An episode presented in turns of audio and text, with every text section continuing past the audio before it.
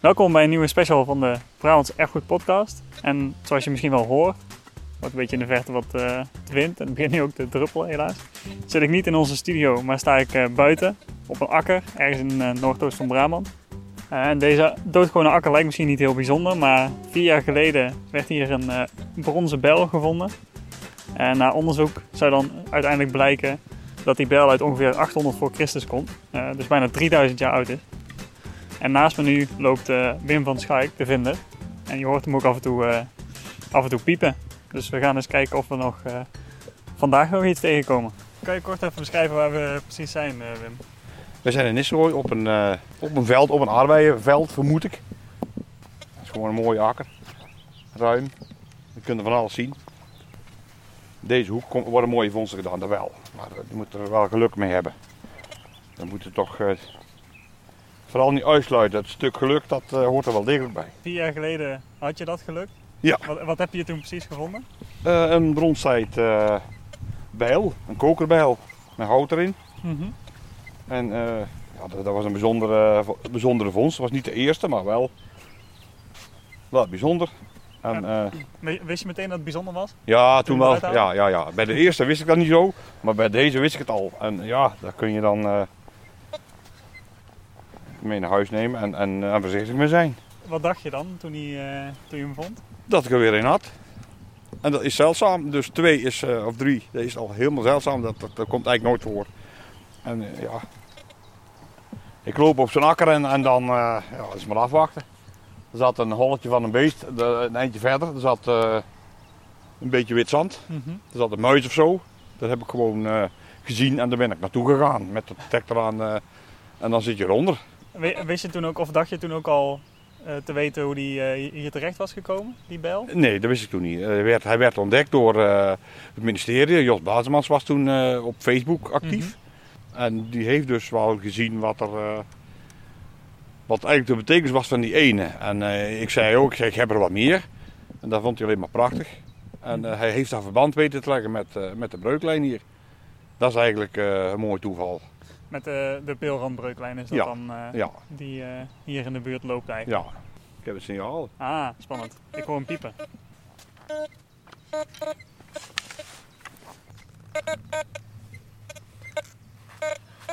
Ik heb hem in mijn handen.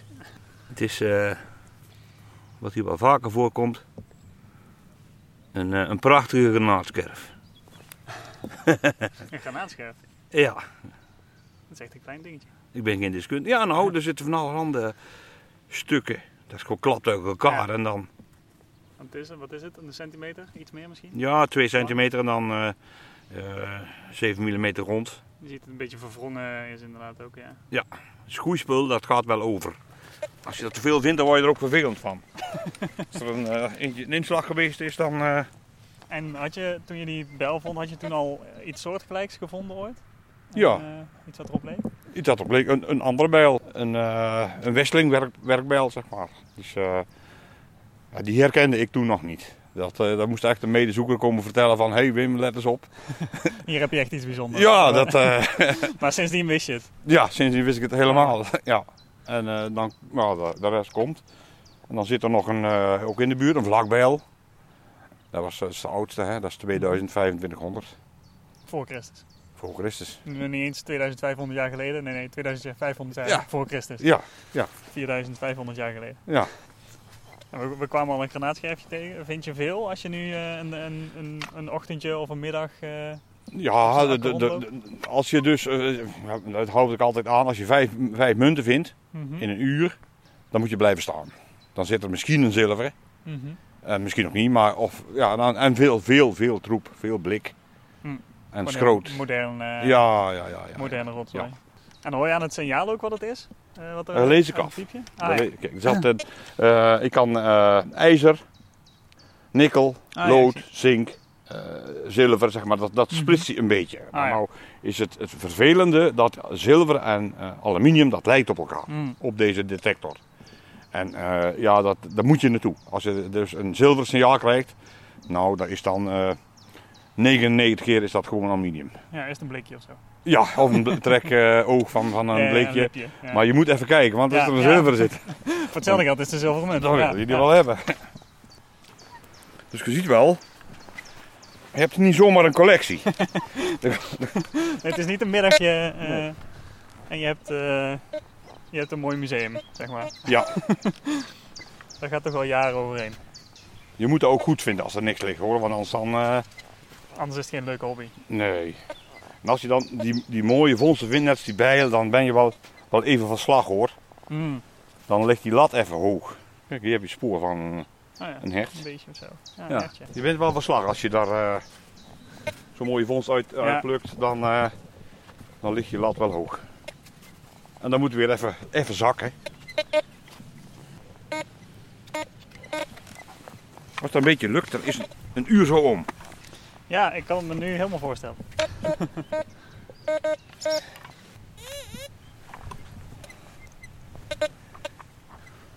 Dan nou weer. Deze was het. Ja, maar raai maar eens wat dit is. Het is iedere keer toch een verrassing. Dit is een, eh, ik denk, een- toch een aluminium blik of zo.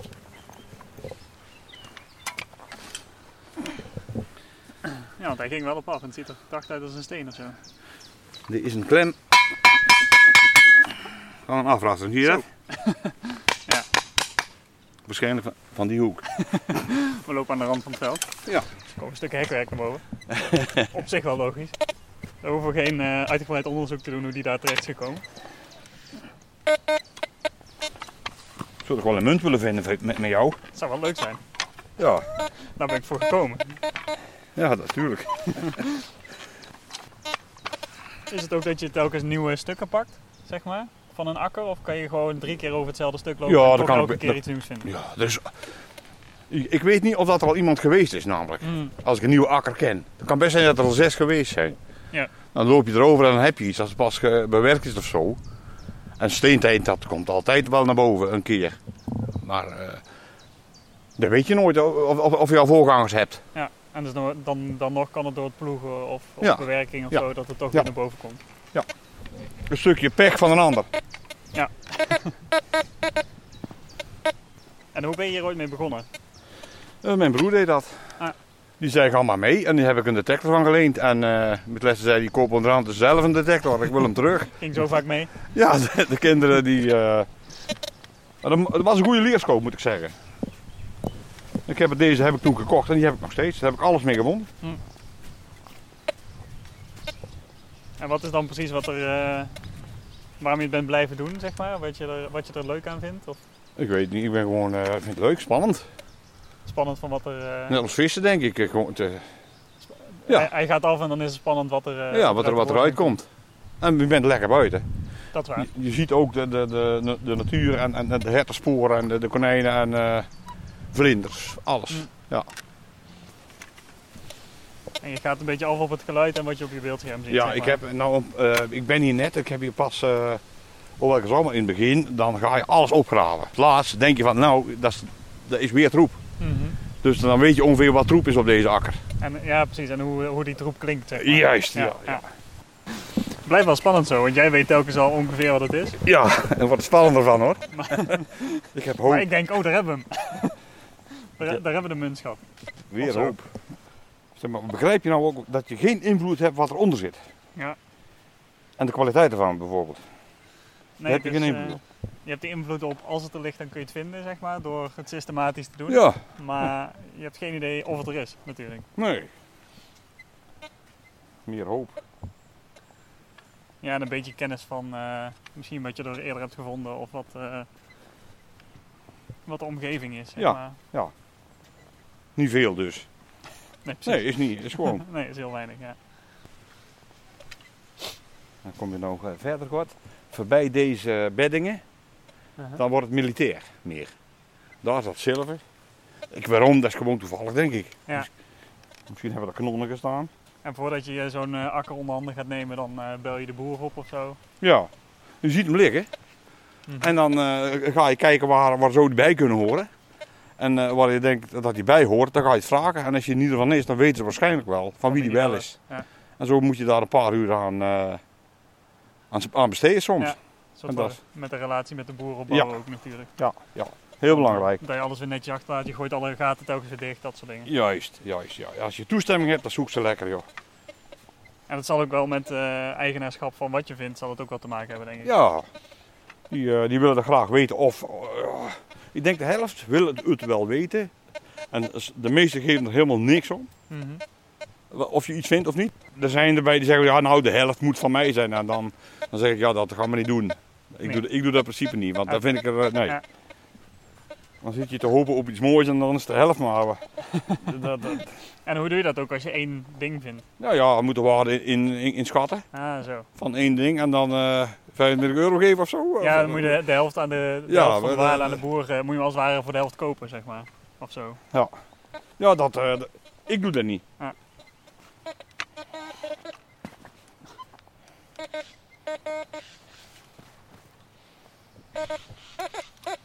Nee, die geluid.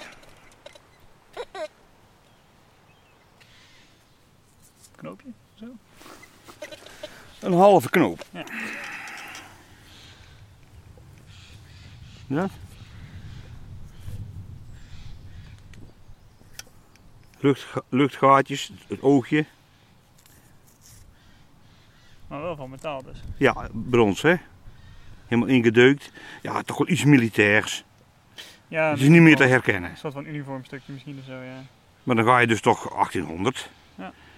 1900 en dan weet je toch, eh, dat klopt met de scherf. Met die uh, granaatscherf. Die scherf, die- nee nee, Of, met, die, eh, met die, eh, die scherf, die bruine die we hier zagen liggen. Oh, ja. Dat is de verwachting. Is Ik, eh, ik beoordeel eigenlijk wat of ik er naartoe ga. Hij zegt gewoon van, eh, is het eh, waarschijnlijk eh, aluminium Mhm. of zilver? Dan zeg ik van, nou, ga even niet. Hij zegt niet van, nee, dat, Wim, dat zal wel aluminium zijn. dat, eh, dat beoordeel je zelf hier. Ja, precies. Hij zegt niet, ik zou hier even gaan graven. Nee.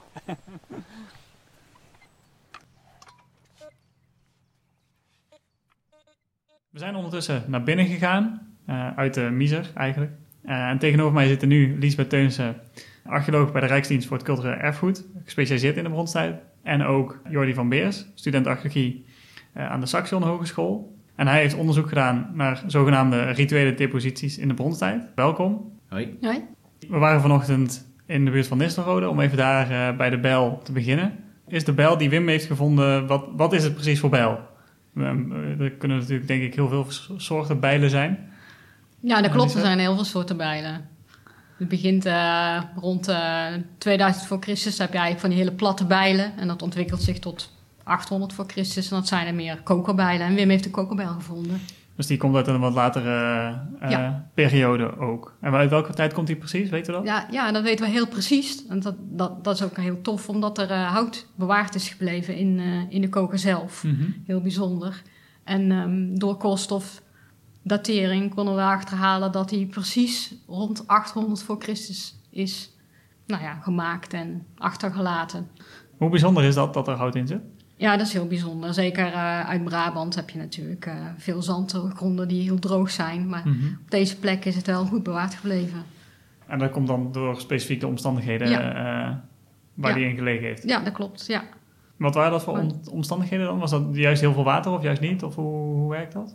ja, bij Nistelrode heb je verschillende breuken in de ondergrond. Mhm. En ehm doorlaatbare lagen met grind bijvoorbeeld, maar ook eh, compactere lagen. En dan krijg je hele vreemde ondergrondse waterstromingen, Mhm. waardoor je op hoge, droge, of eigenlijk hoge, hoge gronden natte plekken krijgt. Dat zijn de zogenaamde wijstgronden. Mhm. En je ziet ook in de sloten daar dat het allemaal oranje is, waar heel veel ijzer neerslaat.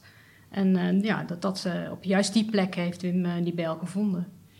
Ja, dus omdat er heel veel water in de grond zat, kon, Ja. kon er eigenlijk dan geen zuurstof bij komen wat het hout af kon breken. Ja, je ziet ook op die bijl was er best wel een grote, dikke ijzerkost neergeslagen. Hm. Dat heeft in feite ook het hout goed bewaard gebleven. Hm. Ja. Een beetje afgesloten van de, Ja. van de buitenwereld. Ja. Ja, zo kun je het wel zien, ja. En eh, waar is hij voor gebruikt? Was het een bijl om bomen mee om te hakken? Of? ja, dat is vanwege die ijzerkost is dat eh, lastiger te zien. We hebben er wel echt eh, goed naar gekeken. We weten dat het van een eh, type is, eh, dat heet dan Niedermaas. Dat is eigenlijk een regionaal type. Mhm. Dat komt vooral voor in Zuid-Nederland en Vlaanderen. Dus eh, is waarschijnlijk daar ook ergens in de buurt gemaakt. Dus het is niet een importstuk van heel ver weg, maar eh, Mhm. een regionaal type.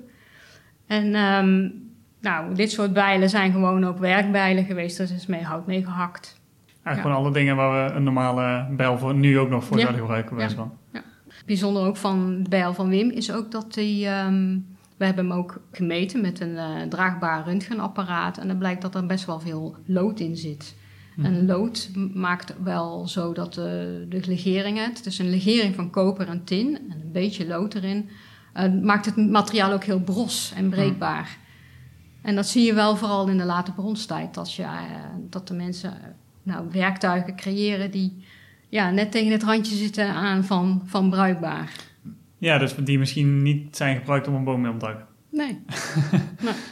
Hoe komt die in de grond terecht? Is dat iemand die hem gewoon een keer kwijt heeft gemaakt? Weten, weten we dat? Wat kunnen we daarvan zeggen? We zien in deze periode dat er dit soort objecten, zoals die bijlen, ehm, worden achtergelaten op eh, vrij specifieke plekken. Dus zoals Lisbeth net al zei, die wijstgronden, dus net op de rand van zo'n breuk. Of eh, denk aan de Dommel of de A, dat daar in de buurt van ook specifieke objecten worden achtergelaten, zoals eh, speerpunten, maar ook bijlen. En dan ga je toch denken van, waarom laat je juist een object gemaakt van brons, wat niet zomaar 1, 2, 3 te verkrijgen was in die tijd voor de lokale bewoners, waarom laat je dat dan bewust achter bij een natte plek? Want je zou dan misschien eerder denken van, Misschien laat je het achter als een bouwoffer als je huis eh, kapot is. Of misschien laat je het achter bij een grafheuvel bij je voorouders om Mhm. een beetje de familie te eren. Dus ehm, dat is eigenlijk een beetje een, een heel vreemd ritueel wat ze in deze periode vooral doen. Want je ziet ook dat ze in de ijzertijd dat bijvoorbeeld weer helemaal niet doen. Dan wordt het niet meer op, op de- dat soort specifieke zones achtergelaten. Op van die natte Ja. plekken bedoel je dan? Ja, En terwijl de ijzertijd is eigenlijk maar niet zo heel veel later als wanneer deze nee, bijl, want eh, eh, die pijl die bijvoorbeeld eh, van Wim, dat is echt precies op de, de overgangstijd Mhm. van brons naar ijzertijd toe. En dat maakt het ook weer heel bijzonder natuurlijk. Dat we dat precies hebben kunnen dateren dat het uit die tijd komt en die overgang. Maar inderdaad, het is echt, in de bronstijd is dat een regionaal, echt voor Zuid-Nederland, een regionaal fenomeen kun je het noemen. hm. Gewoon bewust denken we, gewoon bewust op die plekken achterlaten. En soms zijn, eh, zijn er ook vondsten bekend dat er gewoon helemaal geen bewerking of slijtage aan vast zit. Dat ze gewoon punt gaaf zijn. En dat dan zijn ze gemaakt is om, gemaakt is eh, om achter te laten. achter ja. te laten. En moeten we dat dan zien als een, een soort van offer aan...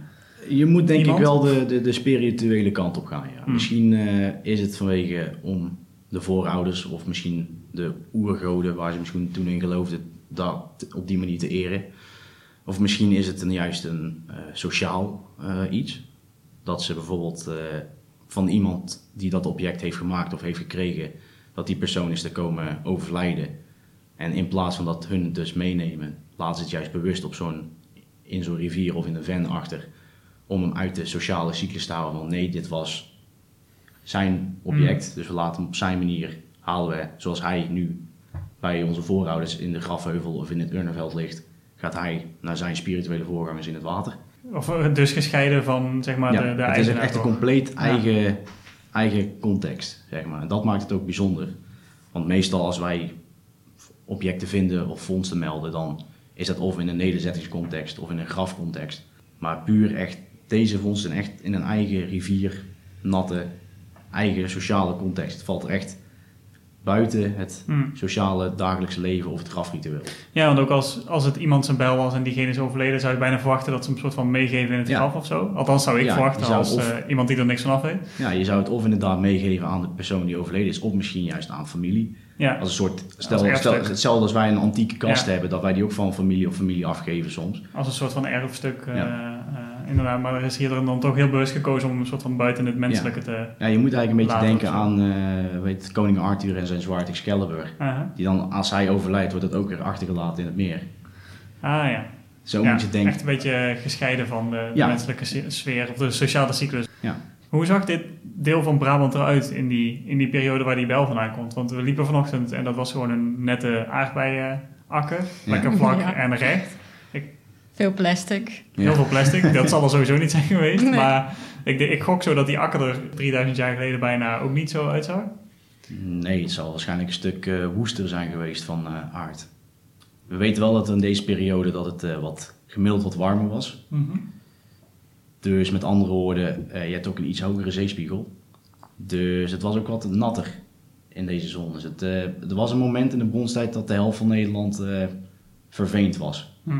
Dus met andere woorden, veel vegetatie die dus in het water ligt. En echt op bepaalde hogere zandkopjes kon je wonen, maar over het algemeen was het vrij drassig. De, de akker waar we op stonden, is dat dan... Dat is dus ook zo'n drassig gebied, in de wel, maar wel in de buurt van de zandgronden. Want het is wel een beetje de, de rand van het zandgebied van ja, Brabant. het toch? zal waarschijnlijk misschien net de voet zijn van het begin van het veen of het begin Ja. van het zand. Ik denk dat het heel een, eh, een eh, over, overgangsgebied Ja, want Nistelrode zelf ligt al vijf meter hoger dan de plek waar Hmm. eh, Wim zijn bijl heeft gevonden. Ja, Dus zo er gaat buiten Nistelrode waren we niet. Nee, nee. en als je dan richting Os gaat, daar heb je ook eh, grafheuvels Ja. en eh, er zijn grote woonstalboerderijen zijn daar gebouwd geweest rond die periode. Ja. En we weten eigenlijk ook niet hoe die plekken eruit zagen, hè? dat soort depositie, waar die gemarkeerd met palen of wisten de mensen precies waar ze moesten zijn. Oh zo, over een soort van... Ik ga nu iets raars zeggen, maar over een soort van tempel gestaan Ja. heeft. Of, of een Ja. of andere markering van zo'n vorm. Ja, daar weten we eigenlijk heel weinig van. Ja. Is één beroemd ehm, depot van Ommerschans. En daarvan ehm, zegt de, de, de vinder, en die, die dus een groot zwaard met allerlei kleine objecten eromheen, dat dat op een eh, plateau lag van berkenstammetjes. Hm. Echt zo in het veen neergelegd. Maar ja, bij de, voor de bijl van Wim weten we dat niet. We we weten wel dat het met steden en al is achtergelaten. Want Ja, het, het, hout zit er nog in. Ja. Ja. Nou, uit het gebied van wat, wat Jordi heeft onderzocht, kennen we eigenlijk één speerpunt die zo echt zo in de grond is gestoken. Hmm. Zo is die ook gevonden tijdens een opgraving. Ja. Dus het kan Bijzonder. best wel zijn dat dat ook een soort markering is van hier is het. Hier is Hier het en moet hier, het- hier, hier moet je... dit is de plek waar je dit soort dingen neerlegt. Zeg. Ja, daar, dit is de plek waar de geesten waren of Ja, de voorouders. ja, Of dit is waar je het brons misschien wel weer moet teruggeven aan de aarde. Het is heel, natuurlijk heel moeilijk om Ja. tussen die oren van die bronstijdmensen te kruipen van wat toen de gedachten waren. Ja, je zou bijna denken van hier eindigt het fysieke en hier begint het spirituele. Wat dan misschien te maken heeft met een, de nattigheid, zeg maar. Ja, met inderdaad dat het dus een moerassig... Een moerassig gebied, wat er, eh, natuurlijk ook misschien een beetje duister is of zo. Maar misschien leg ik er nu te veel van mijn eigen associaties. Ja. Nou ja, het is, het is een In- idee, ja. ja, dat is natuurlijk het lastig van die periode. Wat je zegt, Ja. we, we hebben geen Ja. idee eh, hoe die mensen dachten, want ze hebben niks opgeschreven of zo. Nee. Eh, en ze zitten nogal ver weg van wanneer we wel geschreven dingen hebben eh, Klopt. Ja, de. Als je zo denkt van eh, hedendaagse rituelen die erop lijken, dan dacht ik aan eh, die slotjes hè, die je aan bruggen hangt. Met de Mhm. die sleuteltjes gooi je in het Ja. water en in het ei of eh, in Venetië. En dan, ja, uiteindelijk vind je als archeoloog hele grote concentraties van sleuteltjes en rivieren. En dan moet je dat ook gaan proberen te interpreteren. Ja, Wat betekent dat? Is dat ook offers aan de goden? Dan zit er een heel liefdesverhaal aan. Dat is natuurlijk ook leuk. ja. ja en als je niet het gebruik uit het nu kent, dan is het heel moeilijk om erachter te komen als iemand het niet ooit opgeschreven heeft of wat Ja. dan ook. Wie zei dat het al een wat natter gebied was? Betekent dat ook dat er meer van dit soort vondsten zijn gedaan of dat er meer plekken zijn in de, in de omgeving van, eh, van waar we vanochtend waren, waar ook dingen zijn achtergelaten? Ja, je hebt eh, even kijken, want bij Nistelrode ja, zit je op die eh pilrandbreuk. Nou, Mhm. er zijn meerdere van dat soort type bijlen die Win gevonden heeft, zijn er ook bekend. Dan heb je eigenlijk in het hele Noord-Brabantse zandgebied bijna heb je wel plekken waar dus meerdere van dit soort type objecten worden gemeld. Dus aan de, de Dommel heb je Mhm. meerdere vindplaatsen en dan heb ik het ook gewoon naar het zuiden toe, Eindhoven, Dommelen, maar ook in eh Hoge Loon is er ook een concentratie aan dit soort bijlen gevonden. Dat was ook vlakbij de, even kijken, bij de Reuzel, als ik me niet vergis aan mijn hoofd. En dan heb je nog bij de, het Adaal, dus in Berlicum, waar Lisbeth Mhm. het over had, komt die speerpunt vandaan die recht omhoog stond. En ook eh, in, eh, hier in de, in de buurt bij Zettogenbos, hier in het eh Bossenbroek, zijn ook al eh, meerdere bijlen gemeld en ook speerpunten. Dus het is wel, je kan bijna de, de rivier eigenlijk afstruinen en langs de kant van de rivier zou je in theorie wel eens wat bronzen kunnen vinden.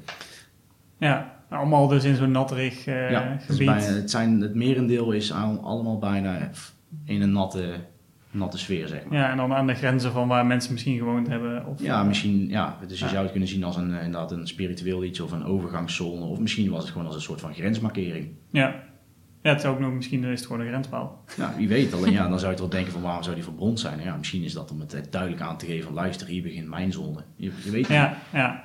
ja, dat is heel erg. ehm, dat vind ik zo intrigerend. Van wat zegt dit nu over de bewoners van zo'n gebied? Je gaat er, we gaan er al bijna vanuit dat het een soort van ritueel, of in ieder geval iets spiritueel, een, een of andere spirituele betekenis heeft gehad. Mhm. Dit soort deposities. Wat zegt dat over de bewoners van zo'n gebied? Ja, dat is een goede vraag. Het is eigenlijk als je het zou moeten vergelijken van waarom zullen wij opeens massaal eh, Louis Vuitton eh, tassen achterlaten op bepaalde plekken. Want zo moet je het eigenlijk zien. Dat eh, brons was, eh, het kwam wel vaak voor, maar het was niet iets wat je 1, 2, 3 om de hoek bij je buurman even kon lenen of zo. Mhm. Dus het zat wel een bepaalde waarde aan vast. En eer het ook pas hier in Nederland komt. Want tin en koper werd dus uit andere plekken in Europa gewonnen. Dus eer je hier eigenlijk al brons hebt, dan ga je er toch wel vanuit dat je een bepaalde waarde aan houdt. Ja, het materiaal, je wil zeggen, het materiaal op zichzelf is al waardevol in deze streken, omdat het gewoon hier niet te vinden is eh, als, eh, als, als ruw materiaal. En dat op zichzelf zou al betekenen dat die mensen het waarschijnlijk niet zomaar weggegooid hebben. Hoeveel mensen woonden er überhaupt in dit gebied toen? Ik, we zullen ongetwijfeld geen precies tot achter de komma bewonersaantal hebben, maar heb je dan over honderden of duizenden? Er zijn wel schattingen in gemaakt, ja. Mhm. Een paar duizend, denk ik. Deze periode kennen we nu uit Brabant, eh, ik denk iets van 13, 14 plekken. Be- woonplaatsen. Woonplaatsen, nederzettingen. Er zijn er natuurlijk meer geweest, maar ja. En we weten uit eh stuifmiddelonderzoek dat eh, het meeste oerbos is ook alweer verdwenen. Hm. Is omgekapt Ja, met, eh, ja. met, met van die vuurstenen en stenenbijlen. Er zijn akkers aangelegd, ongetwijfeld. Dus het was wel een soort van ingericht landschap. Maar niet heel druk bevolkt. Dat denk ik niet. Maar duidelijk ingrepen in het landschap geweest Ja, door, ja. door de mensen eigenlijk. Ja. Het waren niet zulke nette akkertjes als we vanochtend zagen liggen. Nou, het begint wel al redelijk gestructureerd te worden. Dat weten we van onderzoek eh, uit, eh, uit Drenthe, maar ook uit het rivierengebied. Waar je Mhm. echt van die hele lange hekwerken hebt. Waar eerst het landschap bijna, ja, bijna systematisch ru- ruitvormig werd ingericht. Waarin de erven, de boerderijen en de graanschuurtjes werden opgebouwd. Hm. Ja, dus wel al echt eh, een periode waarin mensen een beetje grip op het landschap Ja. hebben. Maar er gewoon nog niet zoveel mensen zijn. Ja, als archeoloog kom je eigenlijk, juist bij deze periode, komt het echt goed in beeld. Omdat die boerderijen, die zijn heel eh, stevig gebouwd, eh, lang gerekt met duidelijke palen. Dus Mhm. dan zie je het ook veel heel, beter. Heel erg ook- vindbaar, zeg maar. ja, en ook die stenen bijlen en bronzen bijlen, die zijn ook zo... Ja, het is, geen on- het is echt onvergankelijk materiaal eigenlijk. Er komt nu ineens... Is het dan juist rond 1800 voor Christus dat het ineens was... Dat, het heel duidelijk uit het bodemachief naar voren komt. De periode ervoor is het allemaal eh, een stuk vager. Dan vergaat alles een stuk beter. En nu eh, hebben we het geluk dat ze een paar bijlen hier en daar de grond in gestopt hebben. En, Ja. en wat stevigere huizen bouwen eigenlijk. Eigenlijk wel. Dat is het. eh, Ja. dan, en dat geeft ons nu, of ja, jullie, nu de kans om als archeoloog te zeggen van... kijk, hier, hier gebeurde wel degelijk iets en hier wonen mensen en die deden iets met deze bijlen. En iets wat misschien een, een soort van diepere betekenis heeft of heeft gehad voor ze. Maar wat precies, zullen we misschien wel nooit weten. Nee, ik denk het niet. Nee. nee, het is net als met grafritueel. Dat probeer je ook te reconstrueren aan de hand van alles wat aan grafheuvels is opgegraven. En dan nog, als je dan antropologische boeken leest, en eh dan zijn antropologen en die, ja, die doen onderzoek bijvoorbeeld in Afrika naar het grafritueel daar. En die gaan mensen interviewen. Mhm. En waarom, waarom leg je nou de schedel van je voorouder eh, op het erf van, eh, van een schoondochter en eh, haal je het een paar jaar later weer in je huis? En, en zelfs de antropologen begrijpt het niet, terwijl ze de mensen kunnen interviewen. dus wij, zijn, wij doen eigenlijk, als het ware, zeg maar, geblinddoekt en met de handen op de rug gebonden onderzoek. Ja. Ja. Ja. zelfs antropologen nu die eh, niet per se achter de betekenis van dat soort rituelen kunnen komen. Ja. Ja, het blijft wel een mysterieuze tijd zo. Totdat eh, metaaldetectoren misschien nog wat bijlen opsporen.